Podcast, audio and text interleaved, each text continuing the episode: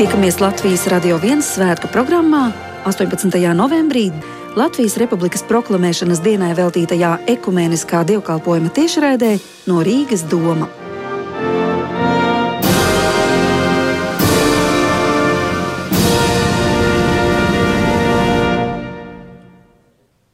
Rīgas domā pie radio mikrofona Inta Zēgnere par skanējumu rūpējas Normons Slāvā, Jānis Finkenfūs, Andris Burmistrs, Aivars Štengelis un Egijos Zālītis. Sveicam mūsu valsts 102. dzimšanas dienas rītā, ko svinēsim ar ekumēnisko svētku dievkalpojumu. Un tas šoreiz notiks ārēji klusinātāk sakarā ar pastāvošajiem ierobežojumiem, bet ne ar mazāku deksmi. Jo vienoties kopīgā lūkšanā par Latviju ir pulcējušies dažādu konfesiju vadītāji un pārstāvji tādējādi simboliski apvienojot visas Latvijas draudzes un baznīcas saliedētam mērķim lūgt par mūsu zemi. Šajā ekumeniskajā dievkalpojumā piedalīsies Latvijas evaņģēliskās Lutheriskās baznīcas arhibīskaps Jānis Vanaks, kurš arī sacīs svētrunu, doma dekāns Elijas Godiņš, Latvijas Romas katoļu baznīcas arhibīskaps metropolīts Zbigņevs Stankēvičs, pareizticīgo baznīcas Jelgavas bīskaps Jānis, Latvijas Baptistu draugu savienības bīskaps Kaspars Šterns, arī Latvijas Vasarsvētku draugu apvienības bīskaps Modris Uzalinkēvičs. Kopā šajā rītā būs arī Latvijas apvienotās metodistu baznīcas pirmās Rīgas draudzes mācītāja un arī Latvijas armijas kapelāne Anna Dobele, kā arī 7. dienas adventistu Latvijas draugu savienības bīskaps Vilnis Latgalis. Tagad jūs saprotat, cik plaši ir pārstāvētas dažādas baznīcas un cik svarīga ir arī šī vienotība. Protams, ka skanēs arī svētku mūzika, kas ir rakstīta laiku laikos dievam veltīta, un šis dievkalpojums sāksies ar Jāņa Kalniņa parafrāzi par Alfrēda Kalniņa tēmu, ko spēlēs Aigars Reinis. Vēlāk eh, mūziķu sastāvam pievienosies arī koklētāja Līga Griķe un basbaritons Rihards Mačanovskis. Skanēs arī saksofons. Šodien Rīgas domā to spēlēs Aigars Raumanis. Un skanēs eh, latviešu mūzika, kā jau sacīju, veltījumi mūsu debesu tēvam, no kura tad arī varam lūgt svētību mūsu zemē.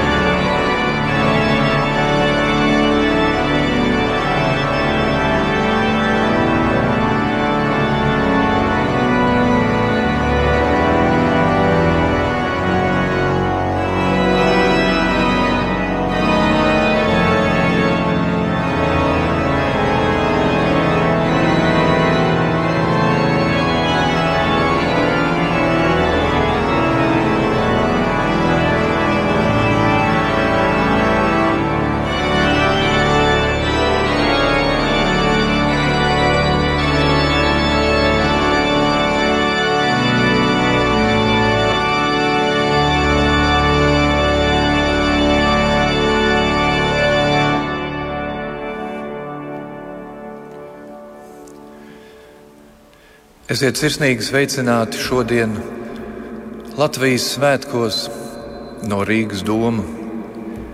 Arī šodien, lai kādi būtu apstākļi un kādi noskaņojumi, mēs varam svinēt Latvijas brīvības dienu. Lai Dievs svētī mums šo dievkalpojumu. Lasījums no 31. psalma. Pie tevis, kungs, tveros neliec man kaunā nemūžam. Savā taisnībā mani glābi, pievērs man savu ausi, steidzies man palīgā. Esi man patvērumu klīns, esi droša pils, kur man glābties. Tu mana klīns un mans cietoksnis, sava vārda dēļ ved mani un vadi.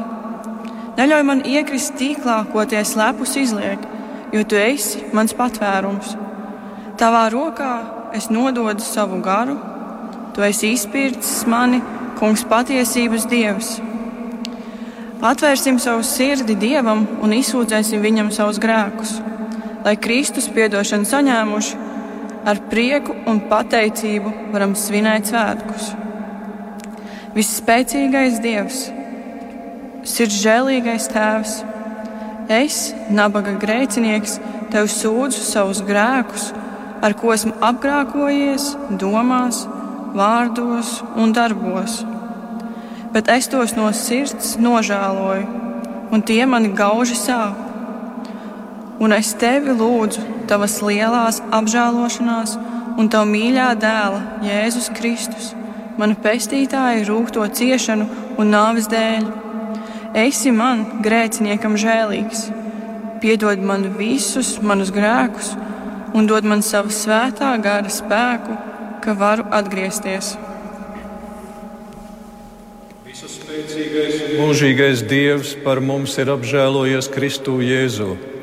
Un viņa dēļ mums piedod mūsu grēkus, kad tos no sirds atzīstam un sūdzam, un dod mums žēlastību, kad atgriežamies un iemantojam mūžīgo dzīvību. Āmen!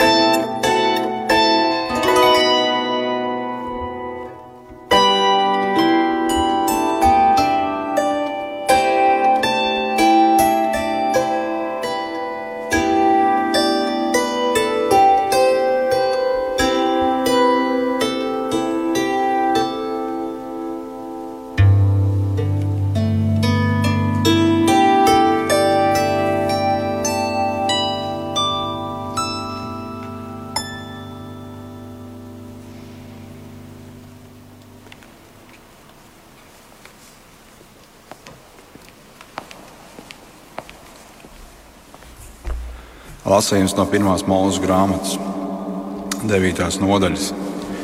Anāls dēls, kas iznāca no šķirsta, bija Šems, Hams un Jafets. Un Hams ir kanāla tēvs. Šie trīs ir no dēli. Un no viņiem cēlušies visi zemes iedzīvotāji. Nāc sāk kopt zemi un iestādīja vīnu dārzu. Un nāc dzēra vīnu, un viņš piedzērās un gulēja kailis savā teltī. Kad Hams, kanāla tēvs, redzēja savu tēvu kailumu, Viņš to pateica saviem diviem brāļiem. Tad Šems un Jāfets paņēma tēvu virsvalku un abi uzlika to uz saviem pleciem. Un atmuguriski iegāja un apsedza savu tēvu kailumu, savas sejas nogriezdami, tā ka tie savu tēvu kailumu neredzēja. Kad nav pamodās no savas skurbuma, tad viņš dabūja zināt, ko viņa jaunākais dēls tam bija nodarījis. Un viņš sacīja, lai kanāns ir nolādēts, viņš lai kļūst par vergu savu brāļu vergiem. Un viņš sacīja, svētīts lai ir tas kungs, šiem dievs, bet kanāns lai top tam par vergu. Dievs lai vairo jafetu, ka viņš mīt šiem teltīs, bet kanāns lai ir viņam vergs. Amen.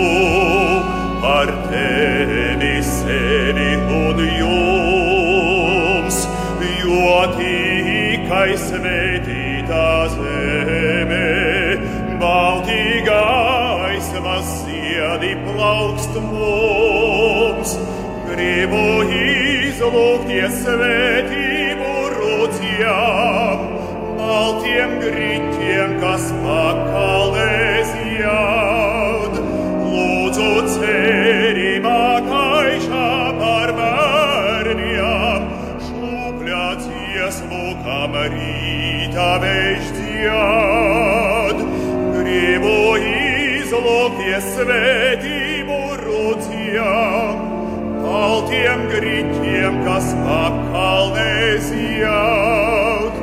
Lūdzu cerībā baigā par pērniem, šūpļā dziesmu, kam rīta beigšcijām.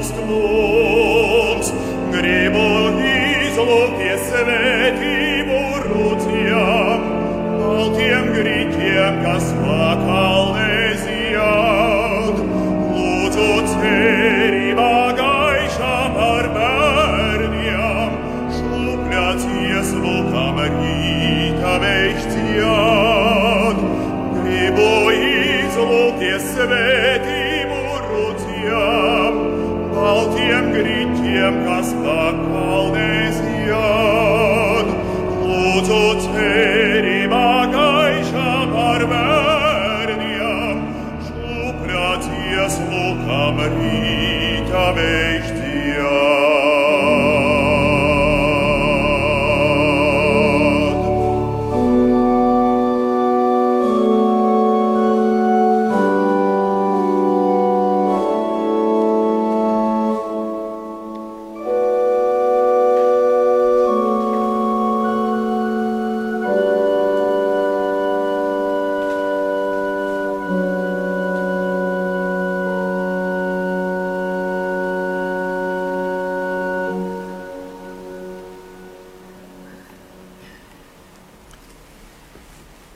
Lasījums no vēstules Efeziešiem.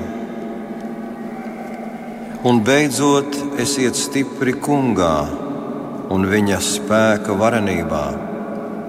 Bruņojieties ar visiem dieva ieročiem, lai jūs varētu stāties pretīm vēlna viltībām. Jo mūsu cīņa nav pret miesu un asinīm, bet pret varām un spēkiem, pret šīs tumsas pasaules valdniekiem un ļaunuma gara spēkiem debesīs. Ņemiet visus dieva ieročus, lai jūs varētu stāties pretī ļaunajā dienā, un visu pārvarējuši pastāvēt. Tad nu stāviet stingri, apjozušies ar patiesību, aplikuši taisnības bruņas un apāvuši kājas, lai būtu gatavi cīņai par miera evaņģēliju. Pie visa tā vēl satveriet ticības vairogu, ar kuru nodzēst visas ļaunā ugunīgās būtnes. Uzlieciet pestīšanas bruņu cepuri un tveriet gara zobenu, Dieva vārdu. Ar lūgšanām un aizlūgšanām lūdziet Dievu garā ik brīdi. Esiet pastāvīgi nomodā un nepārtrauktā lūkšanā par visiem svētajiem. Āmen!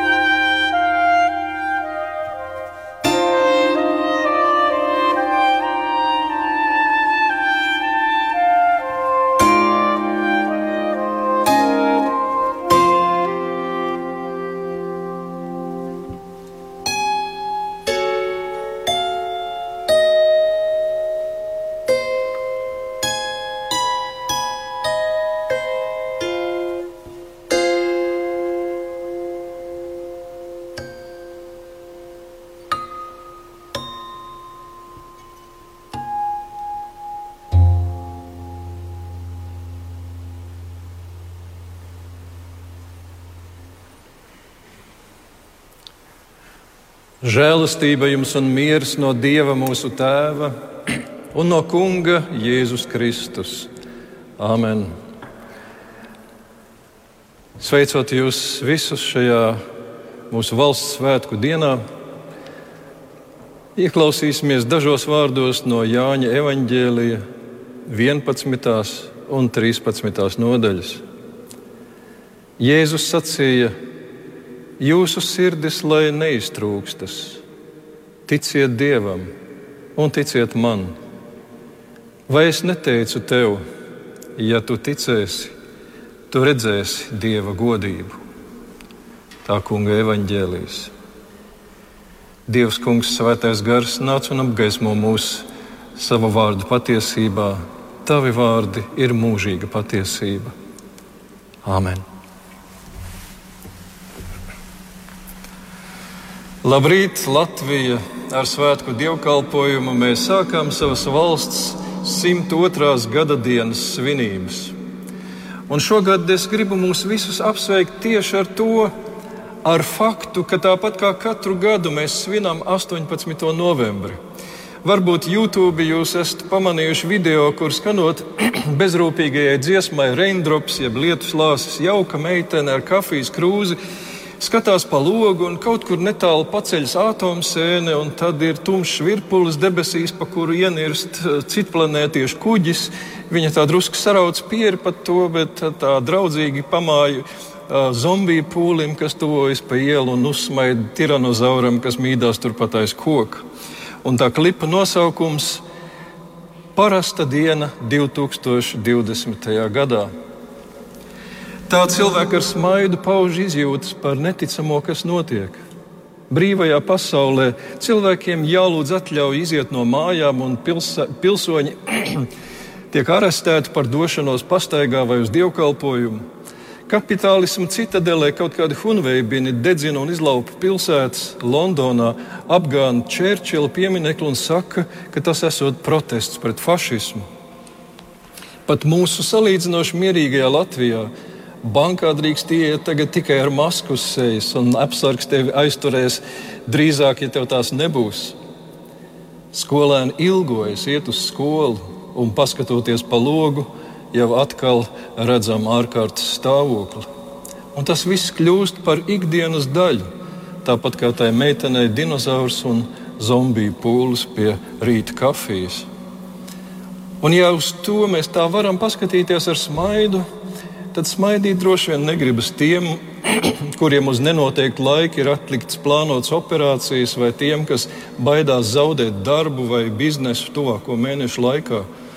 Agrāk mēs bieži citējām Egziperī, ka vienīgā patiesā greznība ir cilvēcīgas attiecības starp cilvēkiem, taču tagad tās aizstājam ar sociālo distancēšanos.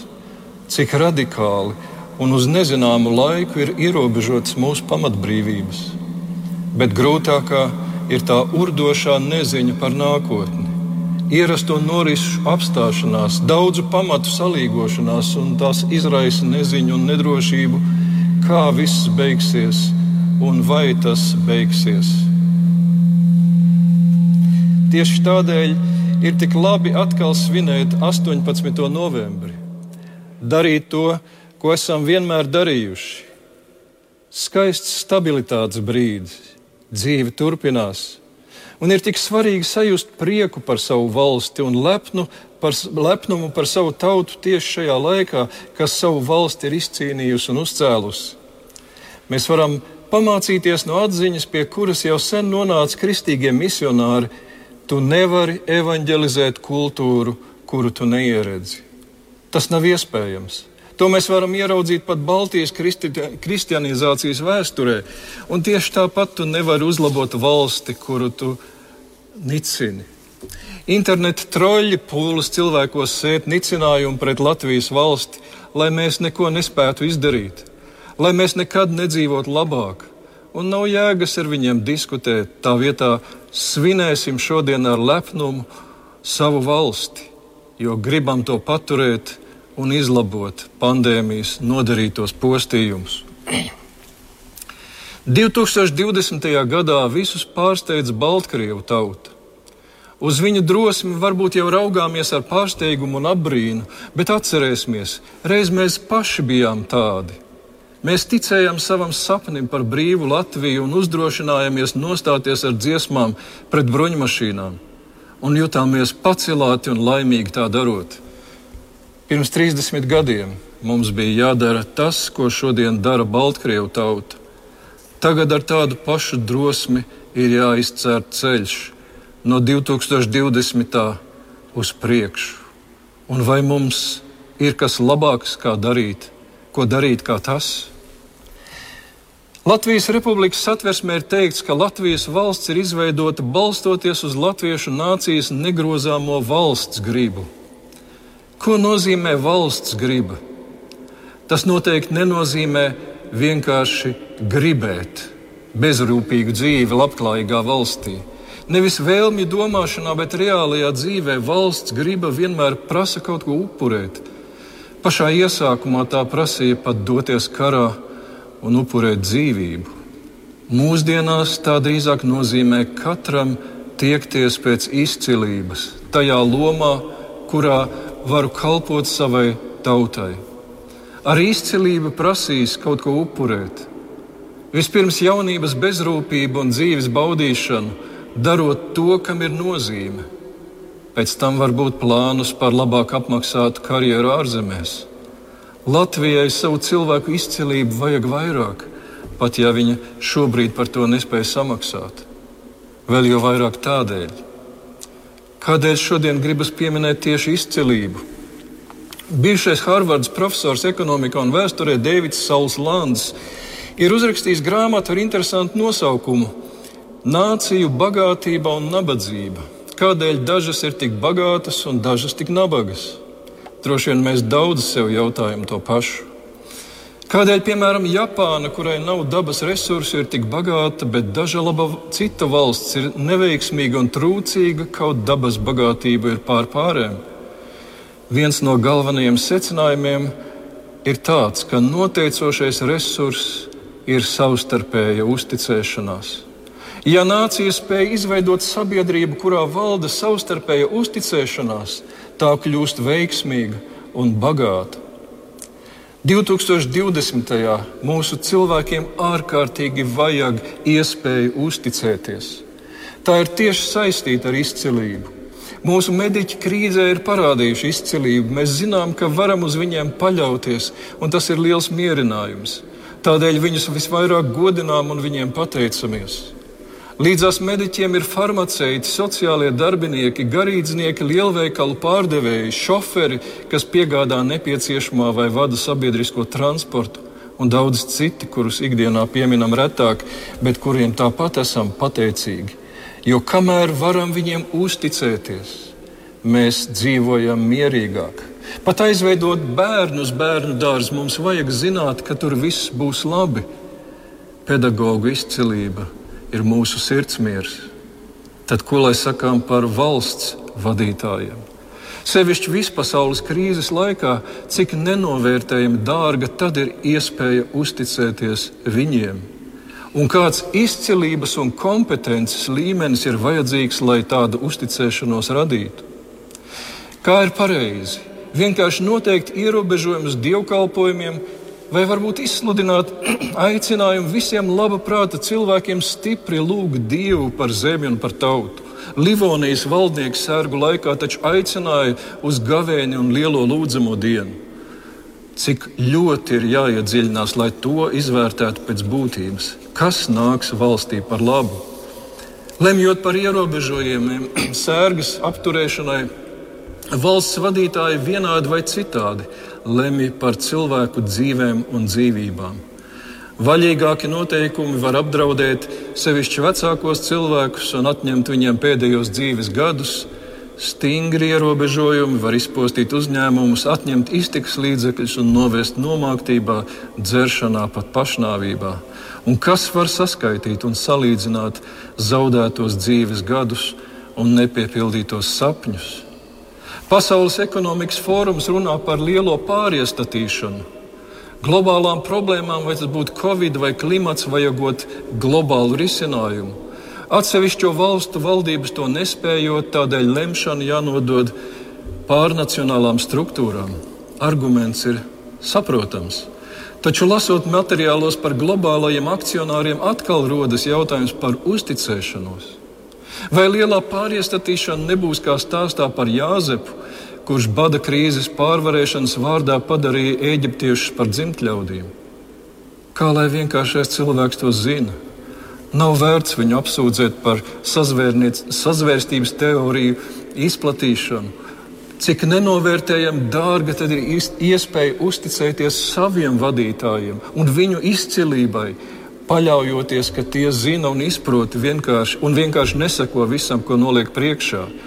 No tā ir atkarīgs viss, līdz pat gatavībai uz solidaritāti, uzvelkot masku publiskā vietā un ierobežojot dievlūdzēju skaitu baznīcā. Krīzes situācija tikai asāk izgaismo to, ko nozīmē lēmums iet politikā. Lai Dievs žēlīgi sargā no tā, ka politikā kāds dodas it kā saimes vai pašvaldības logā būtu uzraksts, te ir darbs.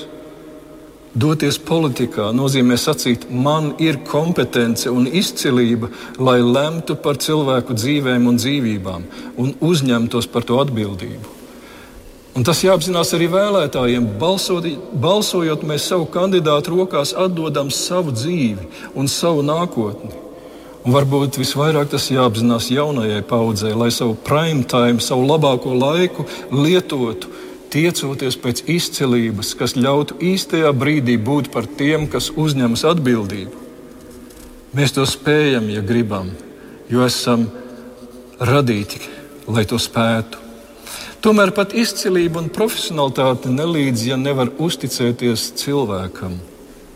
Zinot, cik uzticību ir grūti iegūt un viegli zaudēt, Droši vien daudzi no mums savā amatā vai savā ģimenē apzinās un nožēlo ko tādu, kas ir postījis uzticēšanos. Vai nu tas bija domāts kā joks, kā apzināts solis vai kā kājas paslīdēšana. Lai no tā izsargātos, ir derīgi vienmēr sev atgādināt dažas lietas. Skaidrojot ceturto bausli, Mārtiņš Luters māca par valdniekiem, ka viņi ir kā vecāki saviem pavalsniekiem Un es domāju, ka labi vecāki no dzīves pieredzes zina, ka tēvs un māte var būt tik laimīgi, cik laimīgs ir viņu nelaimīgākais bērns. Un tā ir laba formula, ejot politikā, pēc savas laimes tiekties gādājot par savu nelaimīgāko bērnu laimi. Cits atgādinājums savu rīcību un lēmumus izvērtēt arī pēc tā, kā es ar to jūtos Dieva priekšā. Ja ejot gar jūras malu, mēs varam brīvi lūgt Dievu, tā ir zīme, ka šajā pastaigā nav nekā ļauna. Bet, ja kaut ko plānojot vai darot, gribas aizgriezties no Dieva, noslēpties no Viņa, tad labāk tādu nodomu atmest un tādu rīcību izbeigt vislabāk tūlīt pat.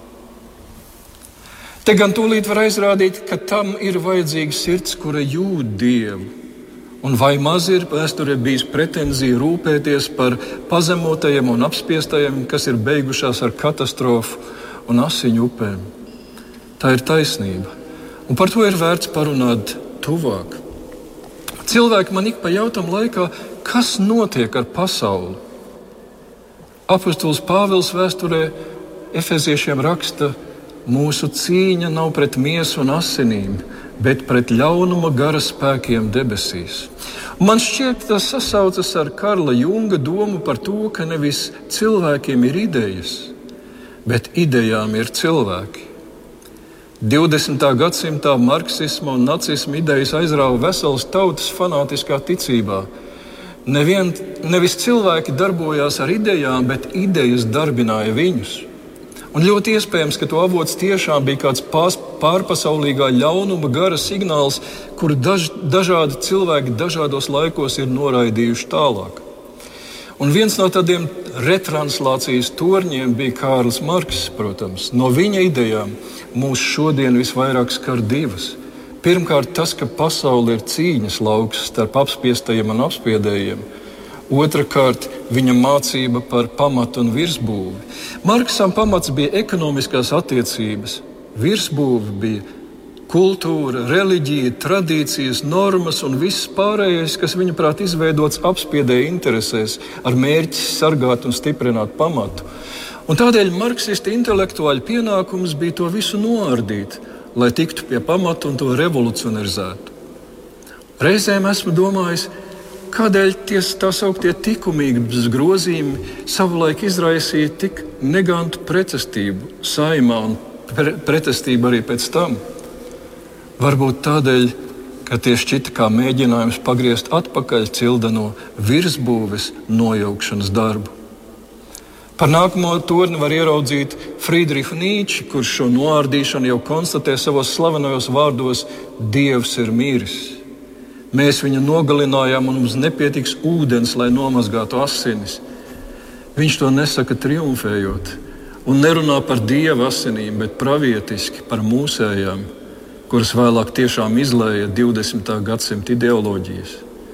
Nīča precīzi saskatīja, ka atsakoties no kristietības, sabiedrība nevarēs paturēt ne universālās vērtības, ne morāli, kas izriet no ticības dievam. Un kas tad paliek pāri? Paliek viedokļi. Mans, tavs, katram savs. Pasaule ir viedokļu sadursme, un varoņa uzdevums ir izvirzīt priekšplānā savu viedokli, savu gribu, savas paša vērtības, griba pāri saprātam. Man šķiet, ka dieva nogalināšanas azarts ir nomanāms arī mūsu izglītības sistēmā. Iespēja mācīt kristīgo mācību kļūst ar vien mazāk, un brīžiem ir sajūta, ka daudzi aplaudēti, ja bērni no kristīgām ģimenēm mācību procesā savu ticību zaudētu. Droši vien ar to saistās cerība, ka tad viņi kļūs par apgaismotiem nākotnes cilvēkiem. Nīča domāja citādi. Viņš paredzēja un pieredzēja nihilismu, neticību nekam. Jo, ja nogremdē cilvēka ticības laivu un ievelk viņu kādā citā, viņš ir piedzīvojis to, ka laiva ir nogremdējama. Ne tikai iepriekšējā, bet jebkura laiva, arī tā, kurā viņš atrodas pat labāk Bez universālām vērtībām jebkura ticības sistēma ir apgāžama. Neviena nav uzticēšanās vērta, un Nīča paredzēja, ka cilvēki pārstās ticēt jēgai un atmetīs dzīvē ar roku. Un jauns cilvēks tagad bieži piemeklē pāragrs, cinisms. Cits, cits iznākums ir mešanās radikālās ideoloģijās, kas noved pie ārkārtīgi intensīvām sadursmēm. Pagājušais gadsimts piedzīvoja divus pasaules karus, bet arī 2020. cilvēki brīnās, no kurienes uzrādās pūļi, kas dedzina pilsētas un demolē pieminekļus. Tie ir nogremdēto laivu pasažieri, kuri dodas nojaukt virsbūvi, lai revolucionarizētu pamatu, lai arī ko viņi ar to saprot. Gribas pārsvars pār spēku, pār, gribas pārsvars pār saprātu. Un kā jau marksismā, Vardarbība nav nevēlams blakus efekts, bet metode mērķa sasniegšanai. Vēl nākamais svarīgais turnis ir Žans Pols Sartrs. Viņu dēvē par eksistenciālismu pamatlicēju, kas izrādījās ārkārtīgi ietekmīga mācība. Pat vienkāršākā, pati vienkāršākā ideja ir pasakāma četros vārdos - eksistence pirms būtības. Un ar būtību var saprast nu, kaut ko līdzīgu Marksa virsbūvēju Cilvēks piedzimst ģimenē un sabiedrībā, kur ir kādas vērtības, ideāli, tradīcijas. Viņš piedzimst valstī, kur jau ir sava kārtība un likumi. Un indivīds to par cilvēku iekļaujoties, ieaugot šajā būtībā un tai pieskaņojas. Turpretī eksistenciālisms māca, ka vispirms ir mana eksistence, mana individualitāte un brīvība. Uz tās pamata es noteikšu, kas es būšu un kā es dzīvošu. Es pats uzcelšu, izveidošu sev būtību. Daudzi mūsdienu jaunieši neko nebūs dzirdējuši par Nīčes pārcilvēku. Toties Sartra retranslācijā tā ir izplatīta jauniešu pozīcija. Nemāciet mani, es pats zināšu, kas es esmu un kā man jādzīvo. Vai esat redzējuši 2018. gada labāko filmu Vodens forma? Vizuāli skaisti pasaka par mēmu sievieti, kura kā Nīčes varonis iegūst savu pašas balsi iepratī apkārtējai pasaulei un iemīlas ķirzaka cilvēkā, ar kuru sāk dzīvot zem ūdens. Un nav svarīgi, vai tā bija laba un pareiza balss, vai saskaņa ar augstākām vērtībām, galvenais - sava. Taču zīmīgākais ir filmas nosaukums. Kāda gan forma ir ūdenim? To var ieliet glāzē, sasaldēt klucītē, iztvaikot mākonī vai izšļākt strūklakā. Tas var ieņemt jebkādu formu. Tāpat kā cilvēks vai jebkas. Un vai man tikai izlikās, ka līdzīgu domu es nu pats saklausīju mūsu satversmes tiesas preses konferencē? Tur izskanēja frāze: ģimene var būt dažāda. Būtu tuvāk jāsaprot, kas ar to domāts un kas ir tāda apgalvojuma pamatā, bet vai neizklausījās, ka ģimenes jēdzienu tāpat kā ūdeni var ieliet glāzē, izšļākt gaisā vai piešķirt jebkuru formu? Protams, ja Sartru noved līdz konsekvencei, tad kādēļ, lai sieviete un ķirzaka cilvēks zem ūdens nebūtu ģimene? Bet vai tiešām mēs tam ticam, vai tikai turpinām nojaukt virsbūvi? Pirms gadiem desmit es dzirdēju joku par mazu meiteni, kura jautā, māmiņ, vai es patiešām varu kļūt par visu, ko vien gribu, ja ļoti vēlos? Jā, meitiņa, māte atbild, un meitenīte priecīgi saka, tad es būšu zirgs. Toreiz tas bija, bet tagad vairs nav joks. Ja cilvēks sevi identificē kā zirgu vai ko citu, tad visiem jāpiekrīt un atbilstoši jāpieskaņo likumi. Visbeidzot, Mišels Foucault, kurš līdzīgi Marksam pasauli redzēja kā cīņas lauku starp apspiestajiem un apspiedējiem, taču strādnieku šķira kapitālismā bija sākuši tik labi dzīvot, ka neieradās uz pasaules revolūciju. Viņu vietā visa cerība nu ir uz identitātes grupām, ko sauc arī par minoritātēm. Fuko par smalkāko apspiešanas instrumentu atzina valodu. Viņa uzskatā, ka valdošais vairākums ir izveidojis tādu izteiksmes veidu, kas uztur tā dominējošo stāvokli un apspiež minoritātes, un tādu valodu vajag nojaukt un dekonstruēt. Tieši no Foucault idejām šodien sastopamies ar politkorektumu prasībām valodā, policijasku valodas uzraudzību un cīņu pret vārdu brīvību. Turpat arī Žaka Derridā idejas, ka vārdu nozīme nav atrodama reālajā pasaulē, bet tikai vārnīcā. Un īstā cīņa ir par tiesībām rakstīt vārnīcu piešķirt vārdiem, zināmiem vārdiem un jēdzieniem citu nozīmi. Līdz ar to izmainīt kādas attiecības, kādas tiesības, kādas reālijas mūsu dzīvē. Un piepieši izrādās, ka par mūžam zināmām lietām, kā vīrietis, sieviete, tēvs un māte, laulība un ģimene, mēs vairs skaidri neko nezinām. Toties lietās, kuras nesen vēl nepratām pat nosaukt, viss ir pilnīgi skaidrs. Jā, taisnība. Man arī pašam liekas, ka es te ļoti gari runāju par filozofiskām idejām. Un varbūt ir grūti ieraudzīt saistību ar mūsu valsti un šodienu, un piedodiet, ja tas ir tā. Taču cilvēki man tiešām ik pa laikam jautā, kas notiek ar pasauli. Un man liekas, ka saprotot šo četru domātāju idejas cauri laikam, var diezgan daudz saprast no tā, kas pat labam pasaulē notiek. Jo idejām ir sekas. Tās darbina cilvēkus ne tikai kaut kur rietumos, bet arī Latvijā. Idejas nogulsnēs likumos un ietekmē mūsu dzīvi. Ir derīgi par tām domāt un runāt. Un tās pieminētās var šķiet simpātiskas ar to, ka iestājas par atstumtajiem un apspiestajiem. Tās var pie, pievilkt, jo šķiet progresīvas un izceļ cilvēku individualitāti un brīvību. Taču svarīgi šķiet, ka tās visas ir no vienas saknes ar to ideoloģiju, kuru mūsu tauta ir iepazinusi līdz asinīm. Tā teica, ka aizstāv apspiestos, taču visur, kur vien dzīvē izmēģināta, tā ir vajājusi citādi domājošos, ierobežojusi cilvēktiesības un brīvības, ieviesusi cenzūru, atnesusi nabadzību un aiz sevis atstājusi simtiem miljonu nogalināto. Droši vien nešķiet ticami, ka kaut kas tāds varētu sarosīties mūsu dienās, taču pavērosim uzmanīgi kas 2020. notiek ar rietumu civilizāciju.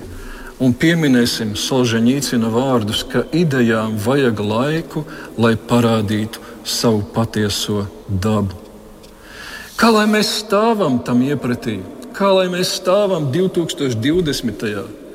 Pēdējos gados kā tāda burvju formula, kā universāla līdzekli daudzina kritisko domāšanu. Gluži kā tādā kultā. Ja visi iemācīsimies kritisko domāšanu, iestāsies miers un zelta laikmets. Protams, kritiskā domāšana ir ļoti vērtīga. Kaut vai lai atšķirtu patiesību no viltus ziņām, tomēr tā arī nav panacēja. Iekaļot pārliecību, ka kritiskais prāts aptver visu, nevis pats ir kaut kā transcendenta ietverts, mēs cilvēku padarām neaizsargātu pret iznīcinošām šaubām, kuras Nīčs vārdiem sakot, spēja nozāģēt katru zaru, kā viņš apsēžas. Mūsu kritiskā Prāta daļa spēj apšaubīt pat visdziļāko un patiesāko, ko darām. Un, ja esam iemācīti šaubām tūlīt noticēt tādēļ, ka tās ir racionālas, tad tās var izšaubīt visus dzīves pamatus. Tās neglābs no nihilisma vai totalitārām ideoloģijām, bet drīzāk pie tām novedīs. Jau Dostojevskis rakstīja, ka ir vajadzīgas citas atbildes, kad racionālais prāts netiek galā ar dzīves absurdumu. Tīri subjektīvi eksistenciālisms ar tā saknēm agrākajos domājotājos un turpinājumu mūsdienu neomarksismā drīzāk ir ļoti garlaicīga sistēma. Paņemot nost lielo objektīvo vērtību, pārliecinošo spēku, viss, kas paliek pāri, ir mana ego, garlaicīgā telpa. Niecīgā mazā pasaule, kurā visu nosaku es, kur tikai ir manas idejas, mani mērķi, par tādu ego drāmu Daudz valdzinošāka ir teodrāma, jeb dieva drāma, kur šī lielo objektīvo vērtību pasauli mani velk pie sevis, un aiz tās vēl ir dieva augstākās patiesības un vērtību pasauli. Un tā neapspiež manu brīvību, tā mani atmodina, tā mani aicina un mani paceļ manā brīvībā. Tā ir skaista un aizraujoša. Varbūt klausoties lasījumā par noāsu piedzeršanos, jūs nodomājāt, kādēļ tik neiedzīgs stāsts. Tas nav neiedzīgs, bet ļoti dziļš. Noās ar savu dzīvi bija iemantojis dieva labvēlību. Viņš uzbūvēja šķirstu un izglāba visu dzīvību no iznīcības, taču viņš nebija perfekts. Reiz viņš piedzērās un gulēja kails, Jaunākais dēls aizmirsa visu noāsa krietno dzīvi un nopelnu viņa paša izglābšanā un pievērsās tikai šim vienam klupienam, nievāja tēvu un par to stāstīja citiem. Šī tēva cieņas, tēva gara, vieglprātīgā nonicināšana viņu no dēla pārvērta vergā. Un līdzīgi kā ar nosu mūsdienās notiek ar Eiropas un ar rietumu tradicionālo kristīgo kultūru un vērtībām, ko noniecina jaunākais dēls. To dažādi nievā, apsūdz un demolē tās vēstures pieminekļus. Visa uzmanība tiek pievērsta tās klupieniem un kļūdām, aizmirstot pateikties, ka tā mūs iznesa pāri visiem plūdiem un padarīja par civilizācijas augstāko sasniegumu.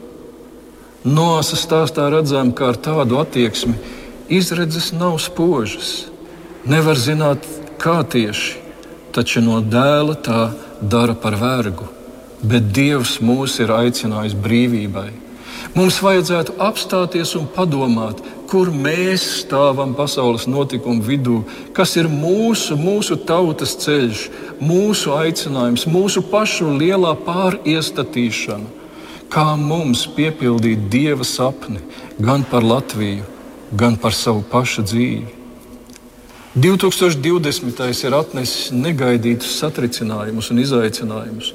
Ne kā mēs to būtu gribējuši vai uz to tiekušies, mēs esam nonākuši neparastā laikā, kad mums vajadzīga liela, vienojoša ideja, kas mobilizē kopīgai un ētiskai darbībai. Krīze var biedēt un nomākt, un tad ir svarīgi atcerēties, ka mēs esam piemēroti izdzīvot un uzvarēt.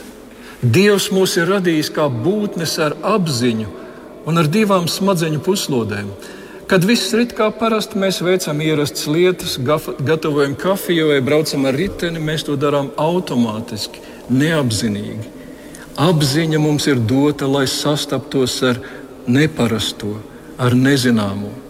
Ar kreiso smadzeņu puslotu darbojamies tur, kur ir izpētīts un zināms viss. labā iedarbojas, kad saduramies ar jauno, nezināmo. Un kad mums nogrūst pāri negaidītais, kad pienāk 2020.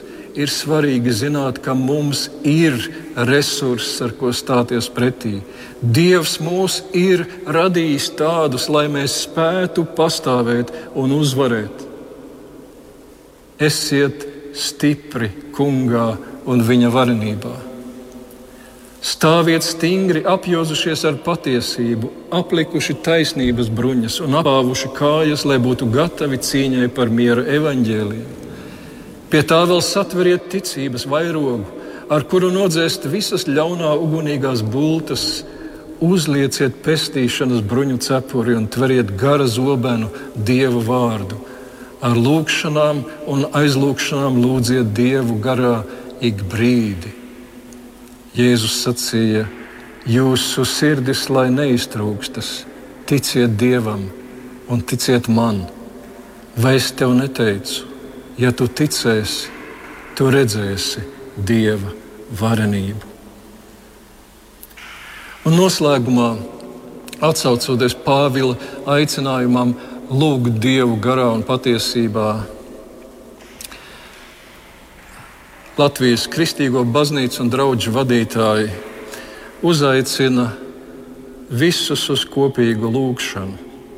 Adventa laiks jau tāpat ir gavēņa laiks, gatavojoties Ziemassvētkiem, bet šajā uh, pandēmijas un covid krīzes laikā mēs uzaicinām visus pirmo adventa svētdienu veltīt pastiprinātam gavēnim, lūdzoties tieši nodomā par Latvijas pasargāšanu un atpestīšanu no šīs pandēmijas un tās ļaunajām sekām.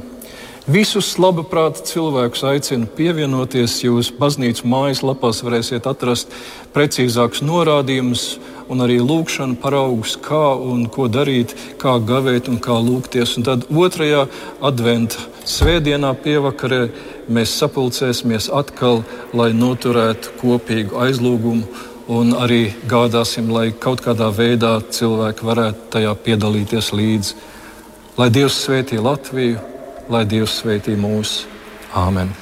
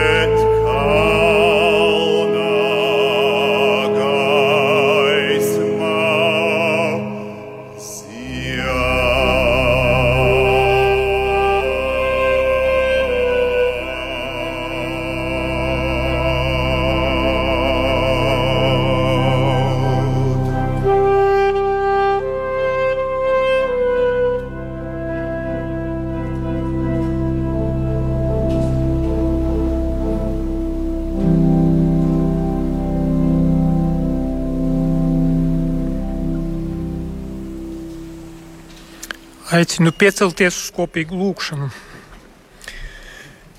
Debesu Tēvs, mēs tevi slavējam un pielūdzam.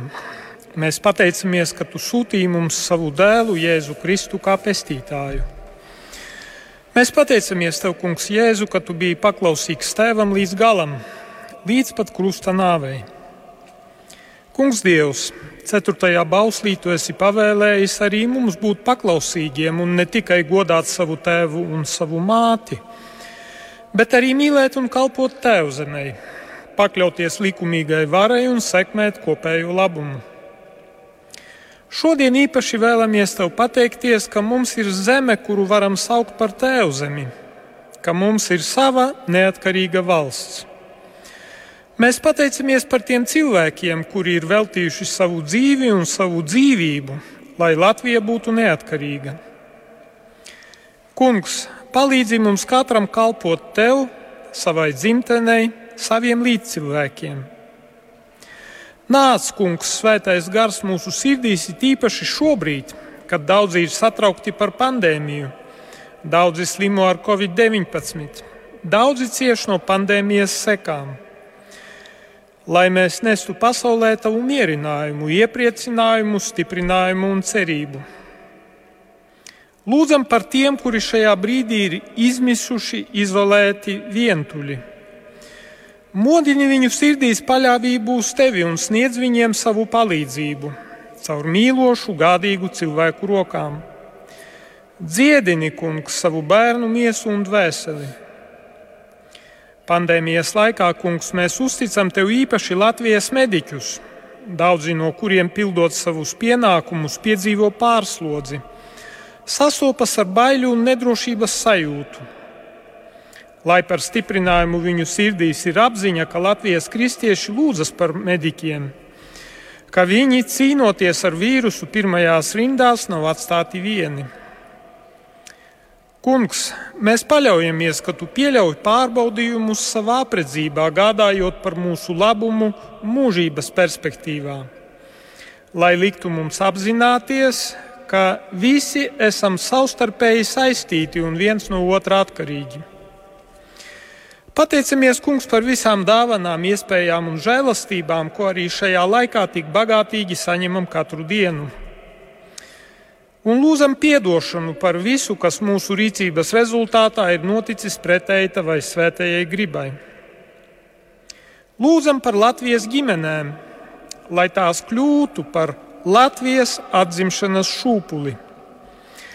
Lai laulība un ģimene cilvēku acīs atgūst to vērtību, kāda tā ir Dieva plānā. Lūdzam tevi, Kungs, par saimas deputātiem, par valdību un prezidentu. Dāvā viņiem savu gudrību un jo īpaši dieva bijāšanu, lai katrs no viņiem apzinās savu atbildību gan sabiedrības, gan arī tavā priekšā. Lūdzam par baznīcu vadītājiem, lai viņi ar gudrību un mīlestību, drosmi un pacietību vada tavu ganāmpulku cauri šim sarežģītajam laikam. Kungs, dari, lai mūsu zemē uzplaukst mīlestības civilizācija, kurā neviens netiek izstumts vai nepieņemts, kurā ik viens jūtas atbildīgs par savu tuvāko un par visu kopējo labumu un kurā cieņa pret cilvēku ir balstīta mīlestībā pret tevi. Āmen!